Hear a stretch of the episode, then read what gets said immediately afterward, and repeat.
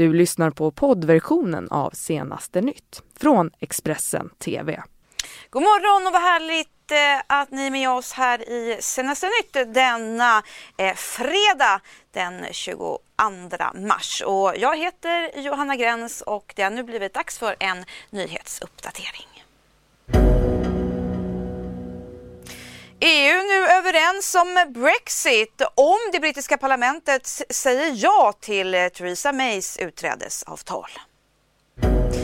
Och efter cyklonen Idai nu vädjar de krisdrabbade länderna om hjälp från omvärlden. Och efter den rejäla högersvängen i helgen drar Socialdemokraternas kongress i Örebro igång. Mm, det och mycket mer här i senaste nytt. Och vi ska börja i Storbritannien för nu kan vi få ett slut på det här och Storbritannien kan på ett ordnat sätt lämna EU. Ja, så sa Storbritanniens premiärminister Theresa May igår inför den samlade pressen efter att EUs medlemsländer beslutat att ge mer tid för Brexit. What the decision today underlines is the importance of the House of Commons passing a Brexit deal next week so that we can bring an end to the uncertainty and leave in a smooth and orderly manner. Tomorrow morning I will be returning to the UK and working hard to build support for getting the deal through. I know MPs on all sides of the debate have passionate views and I respect those different positions. Last night I expressed my frustration, and I know that MPs are frustrated too. They have difficult jobs to do. I hope we can all agree we are now at the moment of decision. And I will make every effort to ensure that we are able to leave with a deal and move our country forward. Mm, och efter beskedet så sa Sveriges statsminister Stefan Löfven sent igår kväll att vi måste ha ett ordnat utträde för Storbritannien eh, när de lämnar EU annars så riskeras stora ekonomiska värden och eh, människors eh, situation. Sverige har 100 000 medborgare boende i Storbritannien. Det finns ungefär 20 000 britter boende i Sverige och en mängd andra britter naturligtvis boende i andra länder. Det kommer att ställa till stora problem eh, för, för företagen och därmed vår export. Det är stora ekonomiska värden på spel. Eh, det handlar om, om mediciner, det är flygtillstånd, en mängd olika frågor som måste lösas. Så det är klart att vi måste, vi får lov att ägna tid och kraft åt att, att se till att få ett ordnat utträde. Men kan heller inte utesluta att det kan bli ett oordnat utträde. Mm, vi ska gå vidare i senaste nytt. Eh, FN vädjar nu om medel för hjälpinsatser till katastrofen efter den dödliga cyklonen Idai vars omfattning ännu inte går att överblicka. Hjälparbetare bland annat från svenska eh, Myndigheten för samhällsskydd och beredskap, MSB, eh, fortsätter, ska säga, har skickat flera personal och från ifrån andra länder så strömmar nu personal till Mosambik, Zimbabwe och Malawi, Malawi för att hjälpa överlevande. En volontär på Röda Korset berättar för vår samarbetskanal CNN om hur läget är just nu i Mosambik. It's hard to estimate exactly how many people are in danger at this state, but we know that there is many, and they're mainly in the Buzi and the Pungwe areas to the west of us.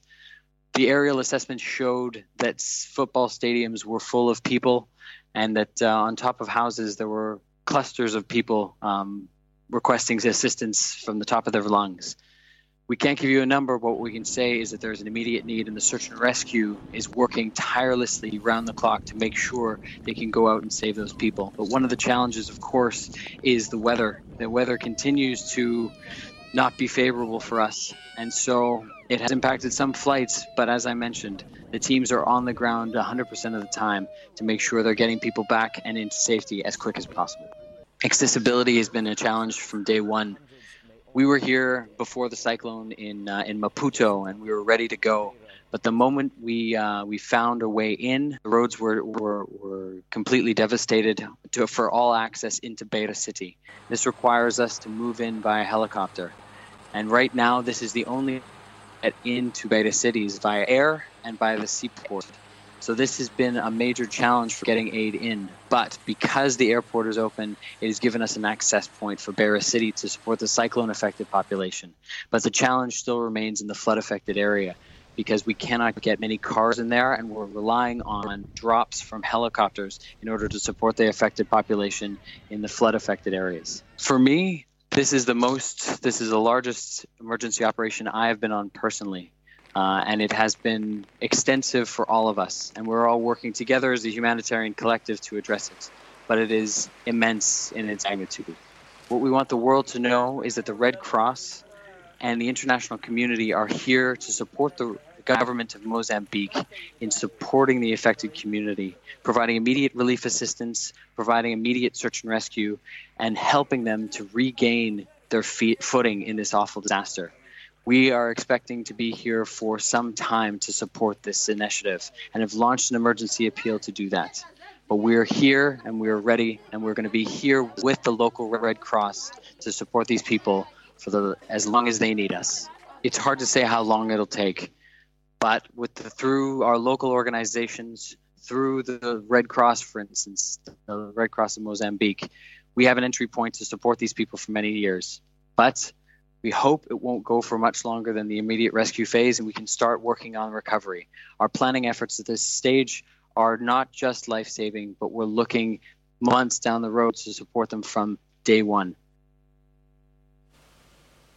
Mm, strax i vår sändning så kommer vi att eh, eh belysa Swedbank och eh, den eh, granskning som SVT eh, gjorde eh, för ett par veckor sedan angående misstänkt eh, penningtvätt i Baltikum.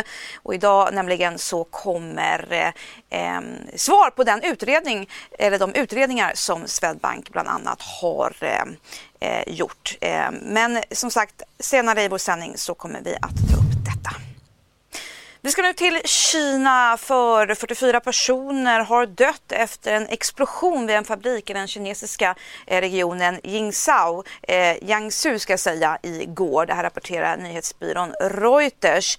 Explosionen inträffade på torsdags eftermiddagen lokal tid i en kemisk eh, fabrik i staden Yangcheng. Eh, 640 personer eh, skadades dessutom i den här explosionen, flera av dem allvarligt. Orsaken till olyckan är ännu inte fastställd men enligt nyhetsbyrån har fabriken tidigare dömts eh, för brott mot arbetssäkerheten. Och vi ska faktiskt ta och stanna i Kina för sex personer har dött efter att en bil körde in i en folksamling i Kina då på eh, fredags efter, fredagsmorgonen lokal tid. Det här rapporterar eh, även Reuters. Ytterligare sju personer är skadade eh, och enligt rapporter eh, i statliga kinesiska medier så körde eh, en man då avsiktligen eh, bilen in i folksamlingen. Eh, efter händelsen så ska polisen skjutit eh, föraren och flera liknande incidenter har hänt i Kina de senaste åren. Eh, I september förra året så dog eh, minst 11 personer när en bil eh, kördes in på ett torg i södra eh, delarna av landet eh, varpå föraren började senare attackera folk med en kniv. Ja, nu till eh, den bomb som faktiskt presterade, för, eh, billigt talat, för eh, ett par veckor sedan. Det handlar om Swedbank och misstänkt penningtvätt. Det var ju Uppdrag granskning eh, och SVT Nyheter som avslöjat att eh, banken kan ha använts för omfattande penningtvätt under närmare ett helt decennium. Det handlar om motsvarande 40 miljarder svenska kronor som ska ha slussat av 50 kunder inom Swedbanks eh, kontor i Baltikum mellan åren 2007 och 2015. Samtliga 50 kunder uppvisar tydligt eh, signaler på misstänkt penningtvätt. Det här enligt SVTs analys. Avslöjandet har ju väckt eh, starka reaktioner och bankens aktie har ju rasat och eh, hämtat sig dock något men flera utredningar har gjorts och idag alltså så kommer resultaten. Swedbank kan ha använts för penningtvätt i närmare ett decennium. Det uppger SVTs Uppdrag granskning. Avslöjandet kommer efter att den misstänkta penningtvättshärvan i Danske Bank i Baltikum redan har rullats upp. Vi gick då till botten med de här uppgifterna och började titta på de svenska storbankerna. Vad har de haft för verksamhet i Baltikum och stämmer det som eh, deras företrädare har sagt? Hösten 2013 varnar en visselblåsare som arbetade som chef på Danske Bank för att filialen i Tallinn har brutit mot regelverket mot penningtvätt. Utländska medborgare, främst från Ryssland, påstås använda konton i banken för att tvätta och gömma pengar från brottslighet och korruption. Våren 2017 avslöjade den danska tidningen Berlinske Business att den estniska filialen ska ha hjälpt tusentals kunder, bland annat kriminella nätverk i Ryssland, att hålla pengar borta från myndigheter. Under 2018 presenterade den danska finansinspektionen en rapport som visar hur bankens ledning har försökt tona ner problemen i Estland under flera år. Statsåklagaren inleder en formell utredning av banken. Danske Banks VD Thomas Borgen avgår. Han ska enligt bankens egen advokatutredning ha känt till problemen i Estlandsfilialen sedan 2010. Och nu kan även Swedbank vara involverade i penningtvättsskandalen. Enligt Uppdrag granskning har minst 40 miljarder kronor slussats mellan misstänkta konton i Swedbank och Danske Bank i Baltikum under nästan tio år. Uppdrag granskning ska under fem månaders tid haft tillgång till en stor mängd hemliga dokument som visar hur det hela gått till.